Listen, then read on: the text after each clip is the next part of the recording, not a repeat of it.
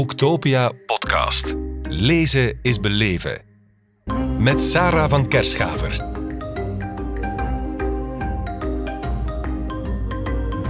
Welkom in onze podcast op Boektopia, Steven Brakenveld. Ja, bedankt. Ja, nee, welkom alsjeblieft. Um, ja, De Vergetene, jouw boek uitgegeven bij Manteau.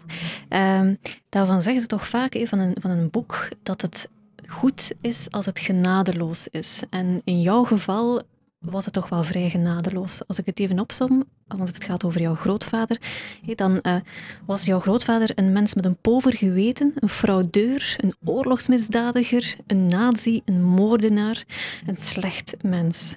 Vertel, uit welke genen ben je opgebouwd? Schokkend, hè? Wel, het is eh, niet het familieportret dat je doorgaans verwacht. het is ook een verhaal, hè? Dat is waar, absoluut, absoluut. Dus het is aan de lezer om uit te maken wat is waar en wat is niet waar. Ja. En uh, ja, het, het, volgt trouwens een, een levensloop, mm -hmm. maar dan met wat, is, ja, wat komt erbij en wat komt er niet bij. En is aan de lezer, om, ja, ik weet het, de lezer niet, maar zij moeten nadenken van kan het, kan het niet? Zou het nu echt waar zijn of niet echt waar? De neiging om te geloven, hè? Was je daar niet bang voor, voor het, voor het geloof van de lezer? Ja, maar dat, is, dat maakt juist het boek, een boek, het boek lezen van een boek zalen. Hè? Ja, dat, is waar, dat je echt in het verhaal kan treden, dat je denkt van het is waar. En je, ook als het science fiction is, bedoel, er is niks waar, maar je, je bent in het verhaal van 3000 jaar voorop. Dat is, dat is het zalige van het lezen. Absoluut, je wordt erin meegezogen. Voilà. Ja. Kun je voor de lezer die uh, het boek nu ziet staan en jou hier ziet praten, vertellen wat komt hij te weten? Wat leest hij als hij jouw boek leest? Goh, weten en kennen en lezen, over kennis gaat het niet zozeer. Hè. Het, Mhm. het is echt een holder de bolder, een rollercoaster van een leven die van het een naar het andere leidt, waarvan je denkt van, wat heeft die man allemaal meegemaakt in één leven, waar anderen onder een kerktoren wonen, tomaten kweken, aardappelen uh, planten, maar die man heeft, ja, ja, maar die man heeft zoveel zaken gedaan, dat hij zegt van, wat een ongelooflijk leven wat er allemaal in voorkomt. En ik denk dat dat het voornamelijk is wat het boek, ja, wat het ergens leest als een trein, omdat, omdat het, is, het staat nooit stil. Mm -hmm. Mm. En er zijn nogthans heel veel gewetenskwesties, hè, van ethische, ja. ethische vraagstukken. Het gaat over alternatieve geneeskunde, het gaat over oorlog. oorlog, het gaat over de jodenhaat in, in het oosten en wat er in de wereldoorlog gebeurt. Dus er komen heel veel thema's aan bod. Hè. Het Absoluut. gaat over corruptie, het gaat over fraude, over fraude het gaat over maffia, het gaat over... Ik kies maar. Geweldig. Ja, maar er staat is, misschien is het bewust, hè? er staat wel een, een, man op de cover, uh, maar er staat geen enkel beeld in waarvan je zou kunnen denken, ah, dat is nu eens uit een familiealbum geplukt. Nee, dat hoefde ook niet. Nee? Hè? Nee, Nee, ik vind niet nee. dat, dat dat moest. Uh, de, foto's, de foto's liggen thuis. Ja? De cover is de cover. Ja. En het, ik denk in een cover is van belang is dat het iets uh, aanstekelijks heeft. Dat, het, dat je het boek vastneemt. Mhm. En vandaar dat er... Ik vond de cover wel mooi. De, mijn hand zou uitgaan naar dat boek als ik het zie liggen ook. Ja, absoluut, absoluut. Het is iets heel mysterieus. Uh, ja, het stelt vragen. Ja, bijna Stefan van Vleteren-achtig in, in Clair Obscuur. Ja. Een heel mooi beeld. Ja. ja, je ziet het liggen en je denkt van... Trekt aan, maar waarover gaat dat boek? Exact. En dan ja. kijk je naar de achterflap, hè. dan zie je Steven Brakenveld. Ja, voilà. Ja.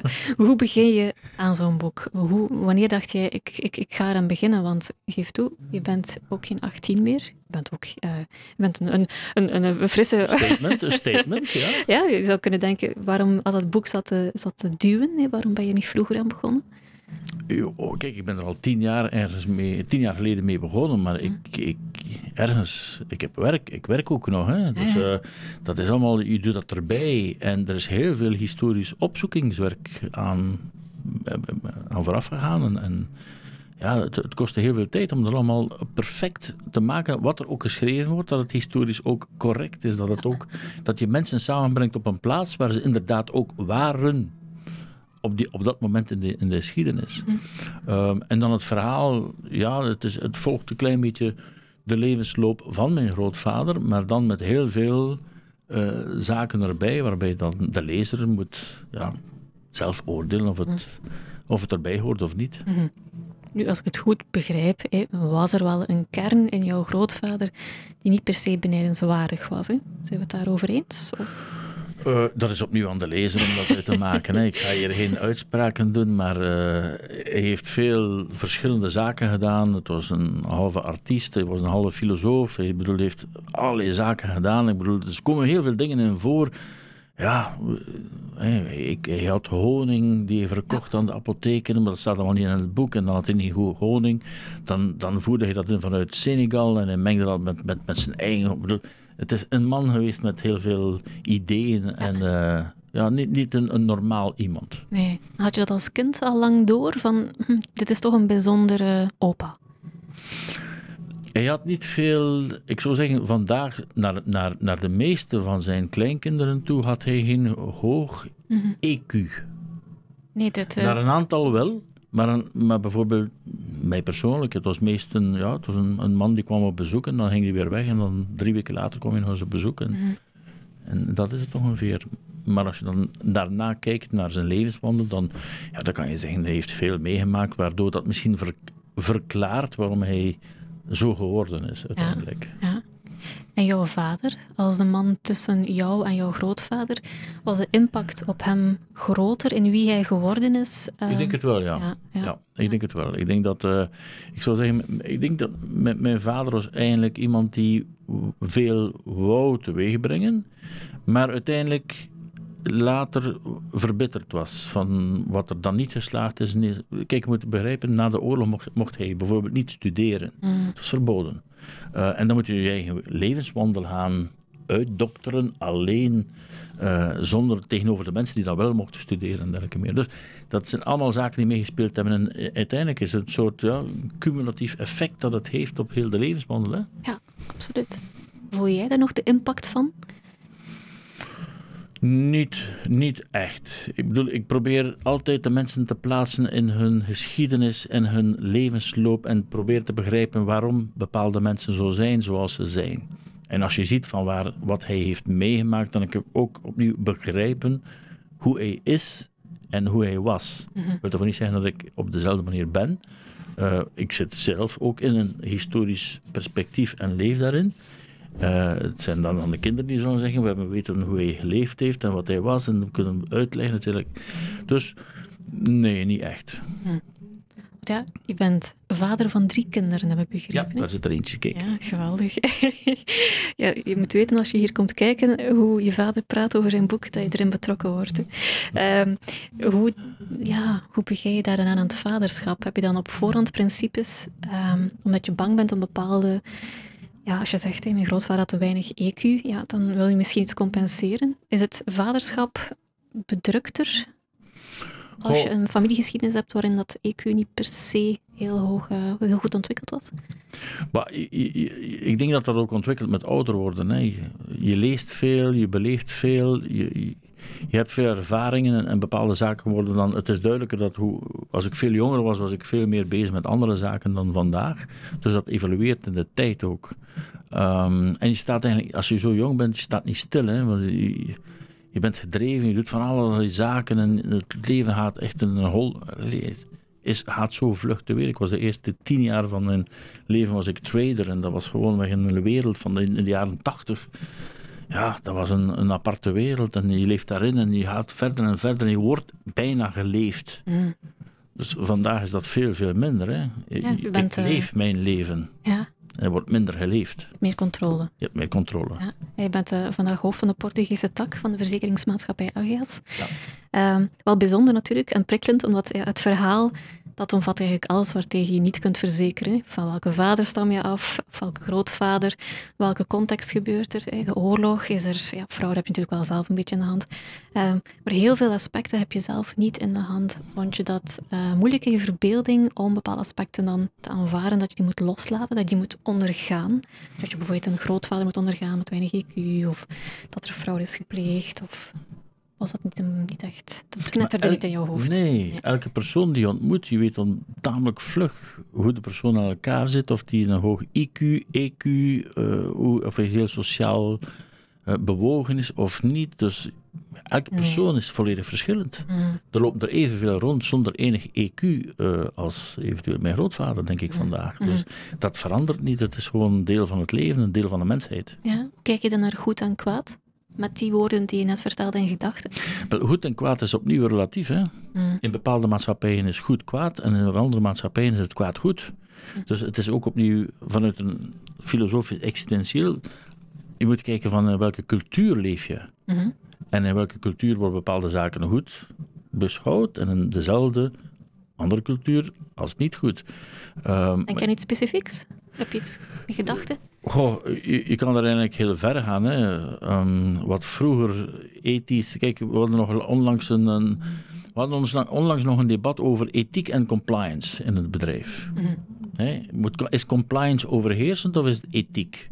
Ja, en ik kan dan zeggen, ja, maar compliance is wat de wet zegt dat je moet doen en je moet compliance. Maar de Nuremberg laws zijn allemaal in het parlement gestemd geweest, waren compleet compliant. Je kan compliant zijn met bepaalde wetgevingen die niet, helemaal niet ethisch zijn. Nochtans, in die maatschappij werd als goed beschouwd wat wij vandaag fout vinden. Maar het was allemaal compliant en juridisch geregeld. Dus dat zijn voorbeelden waar je moet altijd uitkijken van, ja, is iets, reglementering, wetgeving bijvoorbeeld, er zijn andere zaken zoals de BTW op het brood, Mhm. is eigenlijk, kan zeggen, ja, maar iedereen wordt gelijk behandeld. Maar het brood is een basisbehoefte en de BTW daarop voor rijkere mensen en armere mensen is even groot. Is dat ethisch of niet ethisch? Je kunt veel vragen stellen over heel veel verschillende situaties. Ehm, ja, en eh, ja, goed en kwaad is natuurlijk iets van het, wat al in alle literatuur sinds zoveel eeuwen wordt besproken. Hè. Dat is net als de liefde en de zee eh, een van de belangrijke ja, motto's of belangrijke onderwerpen. Nee, dat klopt. Ja. Ja, en je hebt je eigen ja, variant, zoals elke boek een variant is op een, op een gelijkaardig thema, heb je daar ook in gevonden. Ehm, hoe, eh, hoe kijk je nu vandaag naar? Want het is, eh, het is dit jaar, begin dit jaar uitgekomen, als ik het goed heb. En Drie weken geleden. Oh, sorry, niet drie weken geleden. Oei, kijk zo vers van de pers. Ja, sorry. vers. Ehm, hoe, eh, hoe zijn de reacties? Ehm, het is nog wel wat vroeg. Eh, ik heb al een paar reacties gekregen. En uiteindelijk vind ik het. Er zijn twee zaken die ik heel positief vind in de reacties. Ten eerste, het leest als een trein. Mhm. Dat is de eerste reactie. Dus ik vind het al goed. Eh, met sommigen zeggen een page-turner. Fijn. En anderen zeggen, ja, het blijft hangen. Want ik, ik liep- probeer... Vorig jaar heb ik 92 boeken gelezen. Dit jaar zal ik er niet raken. Zal ik- 90. ja, dit jaar ongeveer 60 zal ik maar raken. Maar er zijn boeken die je bijblijven. Mhm. Er zijn boeken, als je de titel en je weet wie er geschreven heeft, dan zeg je van, dat was dat. Ja. En er zijn heel veel boeken die je leest en drie weken later oh, wat heb ik nu, wa- wa- waarover ging dat boek nu weer? En er blijft niets hangen. En dus een aantal mensen hebben gezegd, ja, die overgrootmoeder, die blijft echt hangen bij mij. En dan die grootvader die er van alles zit te doen en die toch ook sociaal, aan de ene kant die, die, die ja, dat, dat tegenwicht tussen, tussen een goed mens en een slecht mens. Hè. Je doet zoveel goed in zijn leven en op hetzelfde moment doet hij zoveel slechts. Dat blijft toch hangen van, van ja, hoe, waar zit die balans tussen die twee, die eigenlijk dezelfde persoon is. En dat, dat vind ik wel heel positief, dat, dat die twee aspecten naar voren komen. Ja, het zindert na. Ja, dat is wat, dat is wat ze mij zeggen. Hè. Bedoel, eh, het zit erna, ik kan er, ik kan, ja, daarna kan ik nog altijd die, die, die personages blijven doorleven. Ja. Terwijl ik al met een ander boek aan het lezen ben, soms aan mijn gedachten toch nog Ja, naar dat boek. ja. Dat vind ik leuk. Dat snap ik. Wat ongetwijfeld ook heel leuk is, is dat jij, net als je, zoals je grootvader of zoals het personage in het boekje heel veel reist, jij reist ook veel. Je pendelt tussen ja, België, tussen Portugal, tussen Frankrijk. Hoe, hoe is dat om... eh, dat, is al, dat, is, dat is al enorm verminderd. Hè. is dat verminderd? Ja, ja, ja. Jammer. Nee, nee. Ik, we, hebben in, eh, we hebben in Hongkong geleefd, in Singapore, in Mexico. Daarna was ik verantwoordelijk voor Europa. Dus ik leefde eigenlijk uit mijn Valies. valies. En Ja. nu is het heel rustig. Nu is Dus het, drie landen eh, is voor jou overzichtelijk. Ja, de drie landen. En trouwens, ze palen aan elkaar bijna. Hè. Er is een deel van Spanje ertussen. Maar ja, dat is, Dat is, ja, dat is, een, dat is gewoon... het is gewoon. Ja. Ik hoop toch dat het nooit wendt eh, om, eh, om aan te komen op de plekken waar je graag bent. Ehm, sowieso heel veel dank hier om hier te zijn, om te praten over jouw boek De Vergetene. Een heel fijn boek. Ehm, in die zin dat het effectief als een page-turner leest, maar dat het wel degelijk onder de kleren kruipt. En, eh, en heel beklijvend is door elk thema dat erin wordt aangeraakt. Heel veel dank.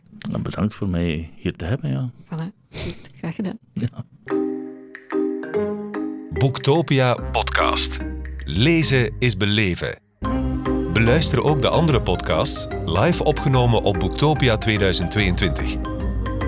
Nu via je favoriete podcast-app.